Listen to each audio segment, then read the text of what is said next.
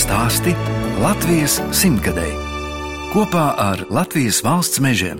Mēs uzturam tādu lauku sēklu, ne tikai tīru tomatniecību. Mēs no Rīgas neatbraucam no mikrorajoniem un pēkšņi šeit līnija drēbēs ieģērbjamies. Bet mēs ikdienā tā arī dzīvojam, tā kā mums nav pat nekas jāpietālo. Bet Laura ir līnu kleita, vai ne? Kas pamelina krēkls? Līnu cienītāji mēs, protams, esam, bet mēs šeit uz vietas dzīvojam, mēs šeit varam strādāt, cilvēki pie mums brauc. Ļoti patīkami, ka es no rīta varu piecelties. Es varu vēl gandrīz vai halātā sēdēt ārā un dzert kafiju, un pēc stundas šeit atbrauc autobuss un joprojām savās mājās strādāju. Tas viss joprojām notiek pie mums, ka mēs esam tādu savu mazo mikropasaulīti uzbūvējuši. Tā stāsta Garkalnes novada Namdara darbnīcas īpašnieki, koka amatnieks un meškopis Kaspars Arnis un viņa sieva juriste Laura Batareuska. Es, žurnāliste Daina Zalamane, šoreiz ciemojos pavisam netālu no Rīgas, kur skolēni un citi turisti brauc uzzināt kaut ko vairāk par Latvijas kokiem un paši var arī darboties ar kokapstrādes rokas instrumentiem. Plašajā pagalmā atrodas saimnieku guļbaļķu dzīvojamā māja, atsevišķā ēkā Namdara darbnīca, vairākas nojumes un pat ugunskura namiņš. Ar turismu saimnieki nodarbojas jau astoņus gadus un saņēmuši arī kultūras zīmi Latviskais mantojums. Namdara darbnīca izveidota Kaspara Arņa dzimtas īpašumā. Vec vectētiņa no mātes puses, viņš kā strēlnieks saņēma divu zirgu saimniecību. Tam bija 23 hektāri zemes. Oh, ar vienu zirgu var apstrādāt 11,5 hektārus, ar diviem zirgiem tad 23 vecs vecētiņš uzcēla to māju un vienkārši sāka saimniekot. Tāda tā kā naturālā saimniecība, var teikt, bija, bija zirgi, bija govis. Piepelnījās tajā laikā, cik es zinu, ar sēnēm. Šeit bija ļoti bagātīgi sēņu mežiem. Tad bija tur brūklins, visāds meža velts, ved uz centrālu tirgu pārdevumu. Tā nauda arī noderēja, teiksim, mājas būvniecībai. Rīgas tūmas nu, nenoliedzama. Jā, Nu jā, tas, jā nu, protams, toreiz to Rīgu bija grūtāk sasniegt ar zirgu. Tas bija 3-4 stundu jautājums, ja šobrīd tās 15 minūtes mašīna aizbraukt līdz pilsētas robežai. Nu šeit mēs tiešām sēžam tā kā laukos, visapkārt pa logiem redzams mežs. Nu jā, šeit tāda nomaļa garkāls novada vieta. Šo vietu sauc par bāliņiem. Tas tāds arī sens nosaukums - bāliņu kroks. Šeit, kad jūs braucat iekšā, tas ir 200 gadu vecs kroks, kas arī piederēs mūsu senčiem kādreiz. Bet, protams, padomu laikā mēs viņu pazaudējām. Tam viņu vajadzēja atpirkt, un to mēs neizdarījām.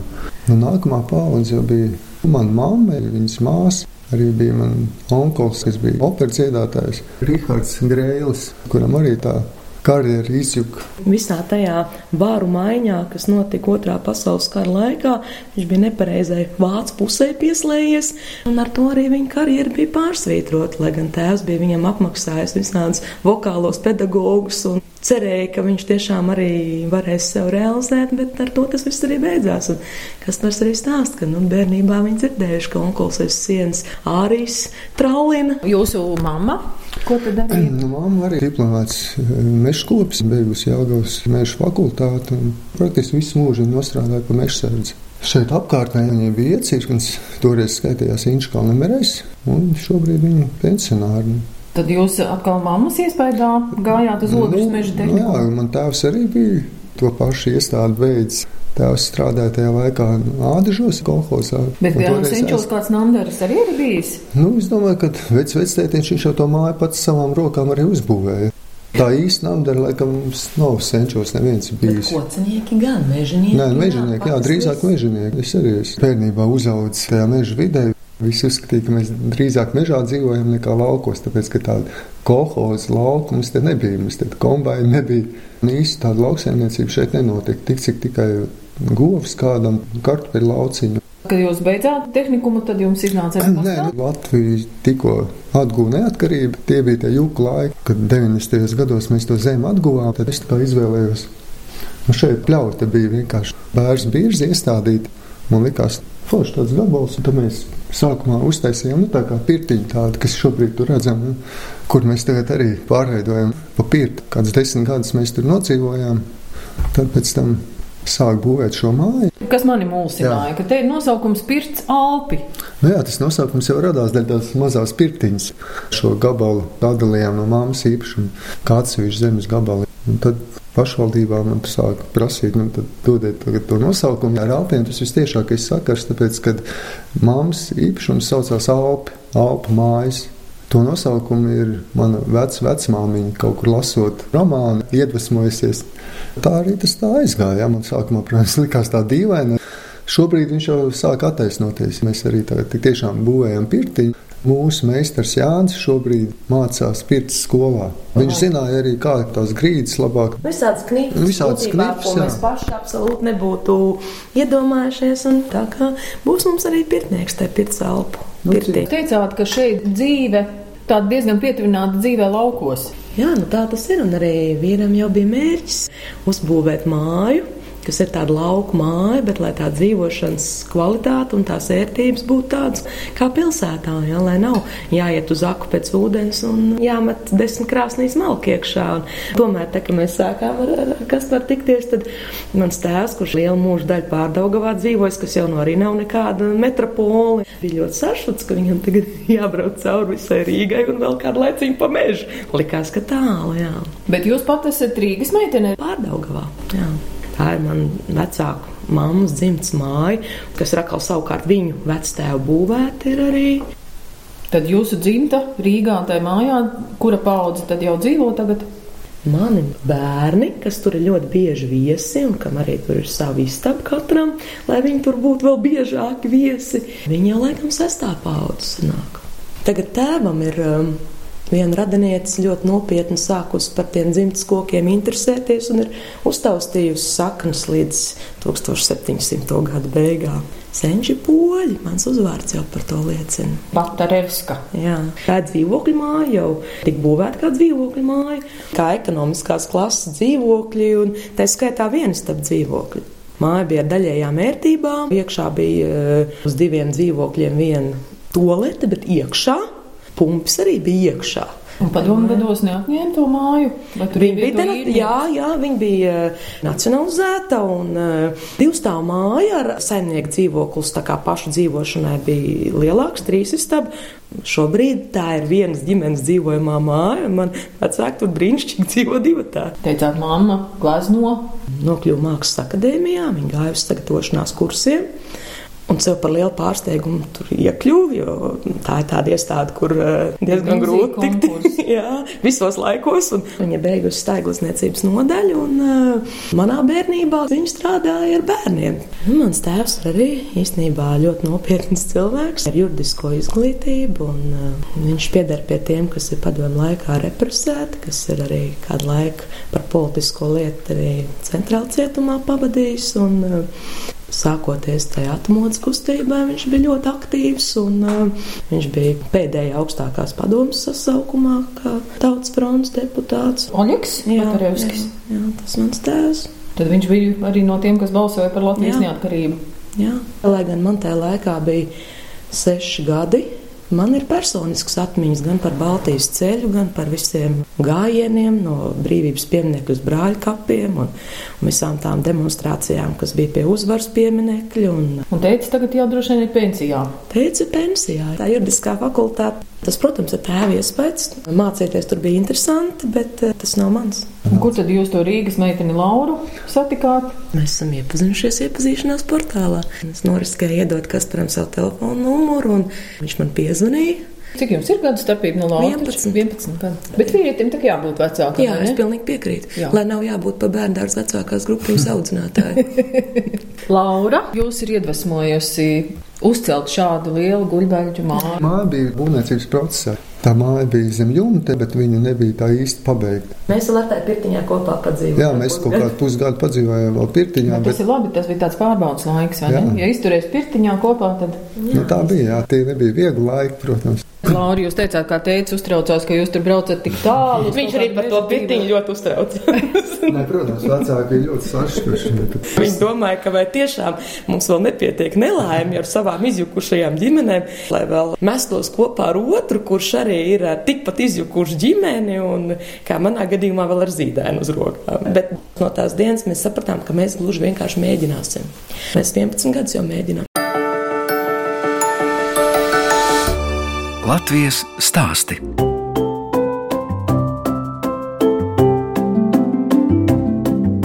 Jūs klausāties raidījuma Latvijas stāsti Latvijas simtgadēji.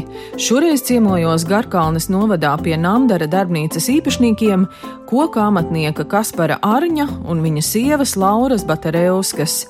Ideja par turistu uzņemšanu un Namdara darbnīcas izveidošanu radās Laurai, kas savulaik strādājusi par gidi. Kaspars ir nopietns amatnieks, nopietns būvnieks. Tajā laikā viņš būvēja guļbūvs, un tas bija viņa maizes darbs, un tas ir smags darbs gaisā virmoja tā sajūta, ka ir jāizdomā kaut kas, lai mēs varētu darīt to, ko mēs darām, bet lai mēs varētu vieglāk dzīvot. Lai mēs nebūtu savu darbu vergi. Mēs jau gribējām visu laiku tādu projektu, Namdara darbnīcu. Vīzija varbūt bija, bet nebija līdzekļu. Jā, bija bail. tas bija krīzes laiks. Bet tad mēs atradām pircēju vienam nelielam zemes gabaliņam, kas man no tēva mantojumā bija īkšķelē. Radās nauda, kur mēs praktiski visi ieguldījām vienā ēkā, Namdara darbnīcas ēkā. Tad mēs uzņēmām tās pirmās grupas tajā rudenī un sapratām, kad vajadzīgs vēl palīga ēkas, tas pats ugunskurnamiņš, kaut kāds nojamīts un arī izklaides parks, lai tā programma būtu bagātīgāka. Un tad tas viss tā pakāpeniski radās un joprojām katru gadu kaut kas top. Tas tā nav, kad ir kaut kāda miljonu projekts, kad viss tā uztaisīt vienā, divos gados. Bet es domāju, ka tas arī ir labāk, ka tas viss to pakāpeniski, tāpēc ka mēs zinām tik tiešām, ko vajag. Es esmu ļoti pateicīga, ka vīrs īstenībā manām idejām ir noticējis un ļāvies un, un savu Naudu ir gluži vienkārši ieguldījis tajā mūsu kopīgajā projektā, kurš nebūtu tik pašsaprotams nelikās. Jo visi cilvēki, izņemot varbūt māmu, man, kurai bija skaidrs, ka tā ideja varētu aiziet, visiem pārējiem likās, ka tā ir utopiska rīcība, kas labākajā gadījumā vainagosies ar neveiksmi, sliktākajā gadījumā ar parādiem un izputēšanu. Un domāju, ka Garkalnē ir milzīgs potenciāls, jo tā ir viennozīmīgi pierīga un e, Rīga jau mūs visus baro. Domāju, ka arī no turismu jomā šeit ir ārkārtīgas izaugsmas iespējas. Un arī mūsu kaimiņi to ir pamazām apjautuši. Daudz arī kaut ko mēģina. Piemēram, kas par brālis sāk ar zirgkopību nodarboties, un taču ne jau lauku karšanai, bet tas ir arī turismu izklaidēm un izklaides objekti. Mūsu kaimiņi būvē pirti, un tā jau arī nav tikai tam, lai viņi paši tur varētu pērties. Mums šeit netālu ir arī viens ķīnietis, kas būvē milzīgu viesnīcu. Tas viss notiek mūsu mazajos bāliņos, patnes kuķīšos, kas ir administratīvi atzīti par atsevišķu tādu teritorijas vienību. Tas notiek bāliņos, šajā te mazajā astoņu māju pudurītī. Kustība ir sākusies, ledus ir sakustējies. Atsevišķā ēkā, kuras nosaukums ir Namdara darbnīca, Laura skolēniem un citiem ekskursantiem stāsta par kokiem, ozolu, ābeli, priedi, apsi, osi un kadiķi. Pēc tam turisti kopā ar Kasparu var izmēģināt tradicionālos kokapstrādes instrumentus, divrocīgo zāģi vai slīmestu. Šo instrumentu sauc par cērti. Ar to parasti kaļ, teiksim, kaut kādas laivas, silas. Mēs šobrīd arī taisām tādu bērniem kopīgu puķu kasti. Ja bērni viņu pabeidz, tad viņi var arī paņemt līdzi, ja, un tad parasti skolās kā puķu kasti. Un tā cērta ir kaut kas līdzīgs cirvim, tikai ar nu, tādu. Jā, tikai šī ir viena no mazākām cērtēm. Tomēr bērni varētu viņu tā ērti lietot. Protams, ir arī lielākas cērtas, tās mēs tikai parādām. Kas par viņu izstāstīt, ir arī tādi skaisti krēsli. Šie ir vienkārši krēsli, kurus arī es pats esmu izgatavojis. Šī ir regla, bet viņas ir izgatavota pilnīgi no kāda rasna, koka stūra, tur arī papildus apses, ozoli, priede, visdažādāk. Te jums ir arī tādi šūpuļu zirdziņi, kas, kā, Jā. kā sieva teica, atgādina gliemezīšus. Nu, šie arī tapu no tāda rasta baļķa. Nu, arī tāda iedvesma bija, ka nu, kaut ko interesantāku, ja nevis tādu standartu kā visur. Mēs vispār cenšamies visu laiku atrast kaut kādas tādas idejas, kas nav redzētas. Tur jums ir tāda gandrīz kā muzeja ekspozīcija ar seniem darbarīkiem. Muzeja mēs šeit netaisām, mēs vairāk tādas praktiskas lietas, ar kurām reāli var strādāt. Bet tādā lielas tās ēveles tiešām ar tādām kādreiz strādāja. Šīs ir vispār mana vecākā ēveles. Mūsdienās, protams, ar viņām es vairs nestrādāju. Bet nu, viņas arī noliktas tādas tā kā pa piemiņu. Šīs bija tādas jau riktēvēles saucamās, kurām varēja nolīdzināt dēli. Un tagad mūsdienās, protams, izmanto riktēvēles elektriskās. Vācijas slīmes. Kāpēc bija tāds vārds slīmests?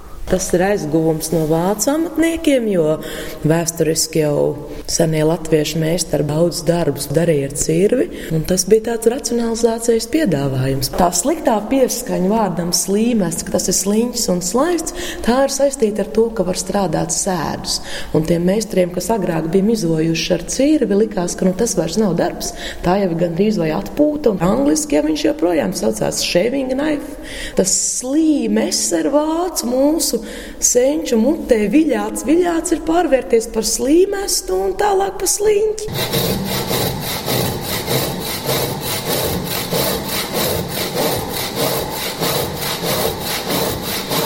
Kas par cik jums bieži pašam iznāk tā ar rokas zāģīt, vēl pazāģēt, vai vairāk tomēr tie moderni instrumenti? Un bieži vien tā, ka to zāģēt ir daudz ērtāk nozāģēt un precīzāk nekā tur izmantot jau kaut kādu ribzāģi, slēgt viņu pie elektrības. Ļoti bieži sanāk ar rokas instrumentiem pēdējā laikā. Bet jūs bērniem arī zāģi dodat rokās? Jā, nu, Ļaujat, jā. jums bail nav? Mēs izmantojam divroci zāģi. Vienā Atšķir... galā stāv meistars, un otrā galā Skolotājs. stāv bērns. Bet eh, sākumā ir instruktāža, norunāts, ko un kā darīs, ka viena paša pie instrumentiem klāt ķerties nevar. Šis ir tāds laikmets, kad baiļu dēļ demontē pat šūpoles pie skolām un bērndārziem. Uz tādu baidīšanos tad neko nevar eh, iemācīties. Bet atkal ar neasiem instrumentiem galīgi neko nevar izdarīt. Tā tas ir atkal tāds koks ar diviem galiem. Bet pats svarīgākais mums ir pieklājības noteikums, ka kamēr kāds no mums runā, tikmēr ir jāklausās. Katrs turists sev par atmiņu var arī izgatavot koka skaidu. Bērniņš apsēžās šī sola, un es stāvu tā kā viņam blakus. Bērniņš saņem šo instrumentu, ko sauc par slīmestu. Vienkārši es arī pieķeros viņam klāt. Mēs kopīgi taisām to skaidu. Pamatā visu procesu kontrolē pilnībā es. Bieži vien bērns tikai viņš jūt to slīmes un redz to procesu. Viņam paliek tā skaidra, sajūta, ka viņš ir to darījis. Jā, ka tā skaidra veidojās. Un...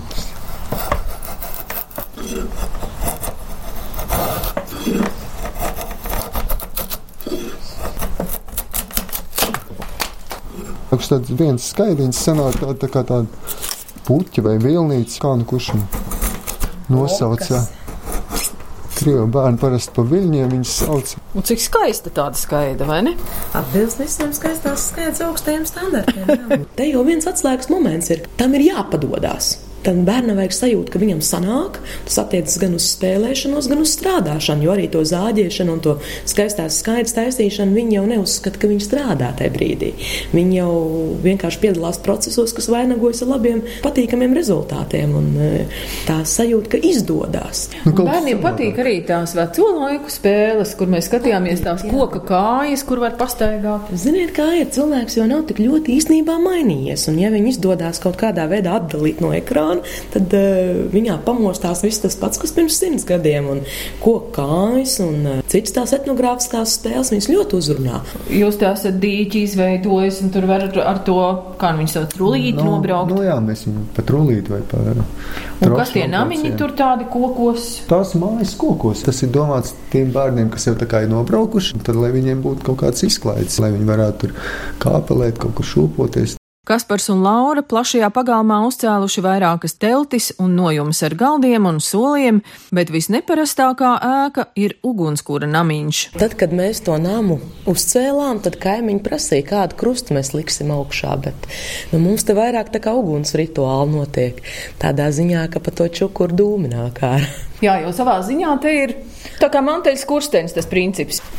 Jā, nu, materiāls ir gluži vienkārši cits. Jā, mēs strādājam Kokā. ar koku, un ēka arī ir no koka, bet tā vajadzība bija gluži tāda praktiska, jo mums tā darbošanās ar ciemiņiem ir ne tikai vasarā, kad ir labi ārā pie uguns, kur sēdēt, bet mums ir arī tas darbs ziemā, un tad jau nu nekāda sēdēšana ārā nav. Un, lai varētu visas tās ugunskur cepšanas un tējas vārīšanas turpināt, tad uh, vajadzēja ēku. Un tā bija ideja, ka tā ēka varētu būt šāda kaut kas aizgūts mazliet no jūras, no vigvama.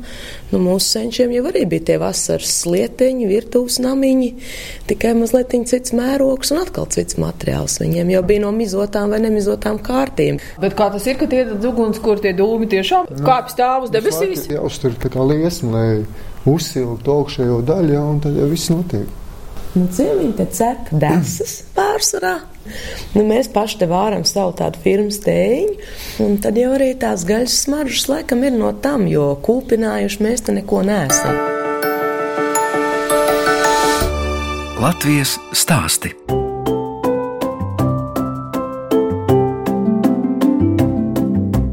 Skan raidījums Latvijas stāsti Latvijas simtgadēji. Turpina ciemoties Garkalnes novadā pie Namdara darbnīcas īpašniekiem, koka amatnieku un meškopja Kaspara Arņa un viņa sievas Lauras Batereuskas. Abi audzina četrus bērnus. Laurai no pirmās laulības ir divi dēli, Kārlis un Dārs, bet Kasparam no pirmās laulības dēls Jānis un meita Paula. Pauli tagad beidz vidusskolu, plāno vai nu pedagoģija, vai turisms. Tāpēc, mums arī tāda vīzija, ka mēs varbūt nākotnē varam veidot tādu, kā tādas nometnes, ja bērnu plānos uzbūvēt līdzīgi tā kā namdara darbnīca ēka, kur varētu, teiksim, izgultināt un arī būt sanitāriem mezgli. Un tad Pauli varētu atkal pieslēgties nu, tam. Ko arī mūsu vedētājs mūsu kāzas dienā novēlēja, ir, lai mums izdodas radīt savu dinastiju. Un tādā klasiskā formā kopīgi bērni mums nav. Mūsu kopīgais bērns ir namdara darbnīca, bet um, mēs tiešām būtu ļoti laimīgi, ja mums tādā itāļu ģimenē izdotos bērns piesaistīt. Protams, viņi ir ļoti dažādi. Bet, ja viņi varētu atrast katrs savu nozari, kas arī varētu kuplināt to namdaru darbnīcu un ka mēs varētu turēties kopā, tas būtu, manuprāt, gan viņiem vieglāk, gan mums vieglāk, ja mēs varētu to kopību noturēt. Jānis ir tas, kurš tā kā par reklāmu domāja, bet tagad jā. tomēr to kokamatniecību. Nē, nē, nē, viņš tādu kokamatniecību nāk man palīgā, jā, un, un arī tajā darbnīcā, kas man garkalnē ir kopā darbojamies, tad sevišķi vasarā, tad, kad ir brīvlaiks, tad viņš arī kaut kādas man idejas iedod. Šobrīd tāda konkurence arī nemaz tik liela nav vairs Latvijā. Amat tieši tādā kvalitatīvā amatniecībā. Vecie paliek aiziet. veci, aiziet, pavisam jaunā paudze vēl tā īsti, laikam nav vēl.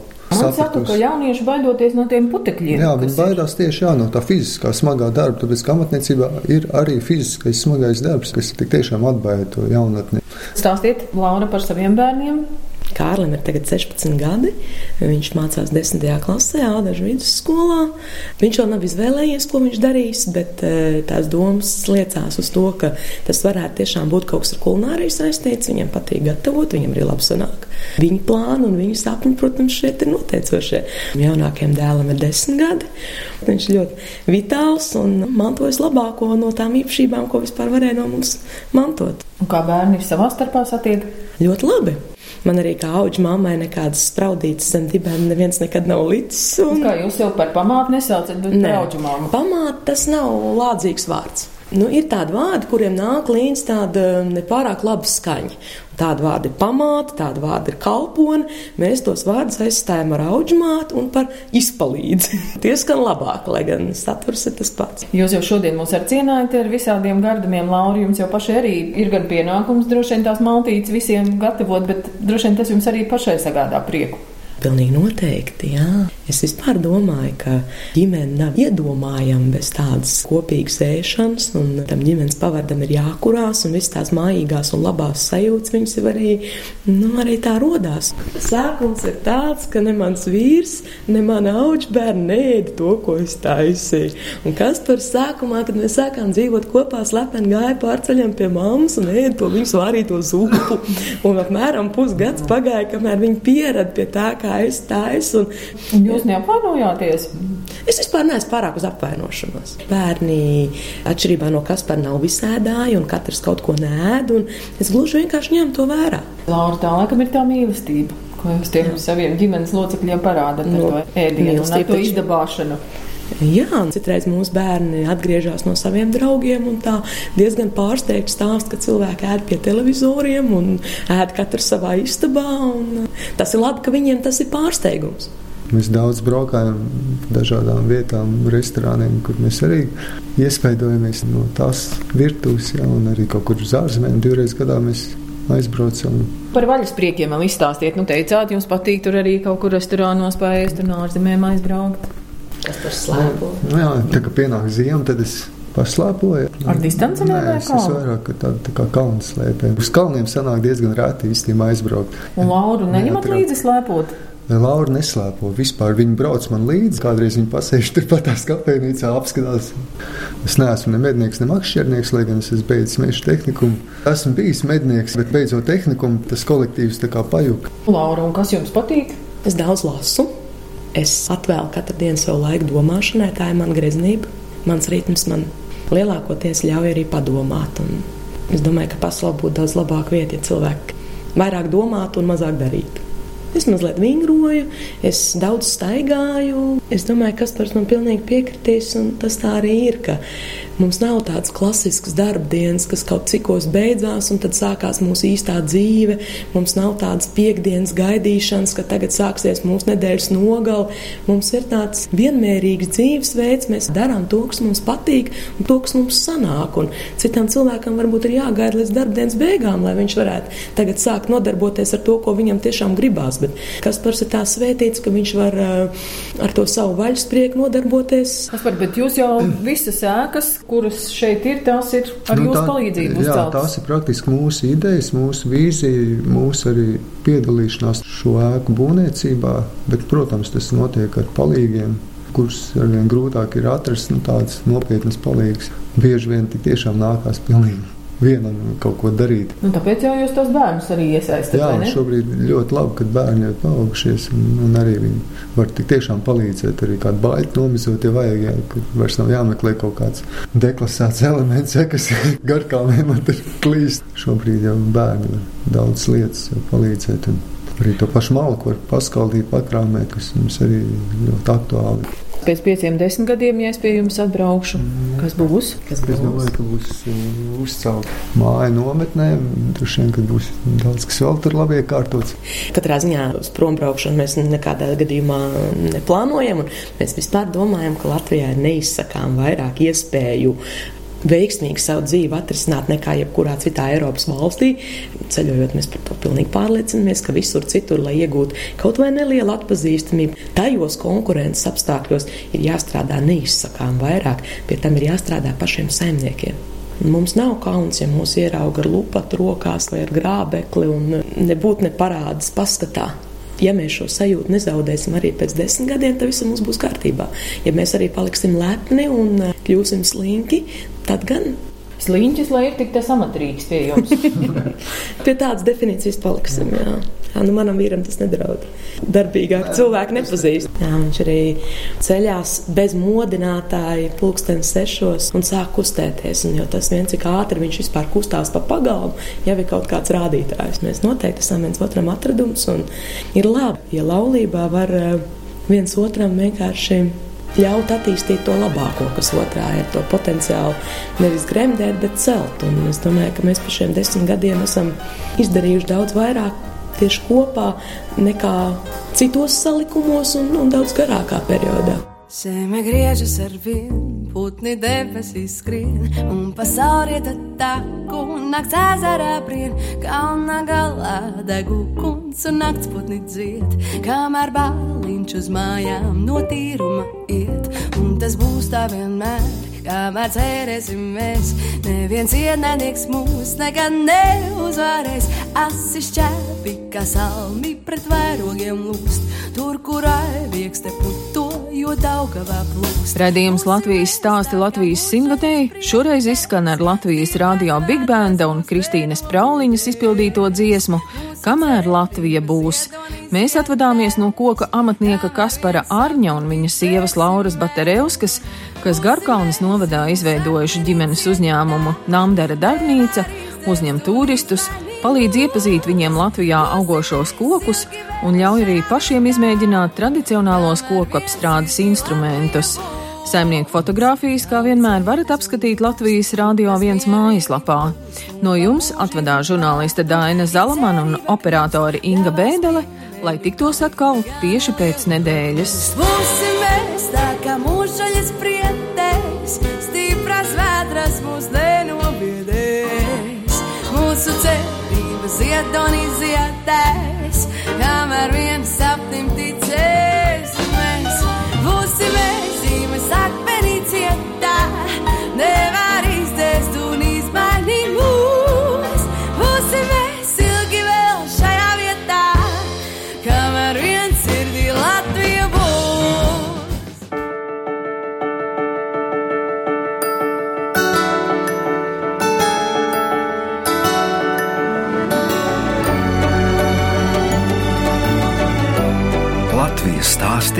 Latvijas simtgadēji kopā ar Latvijas valsts mežiem.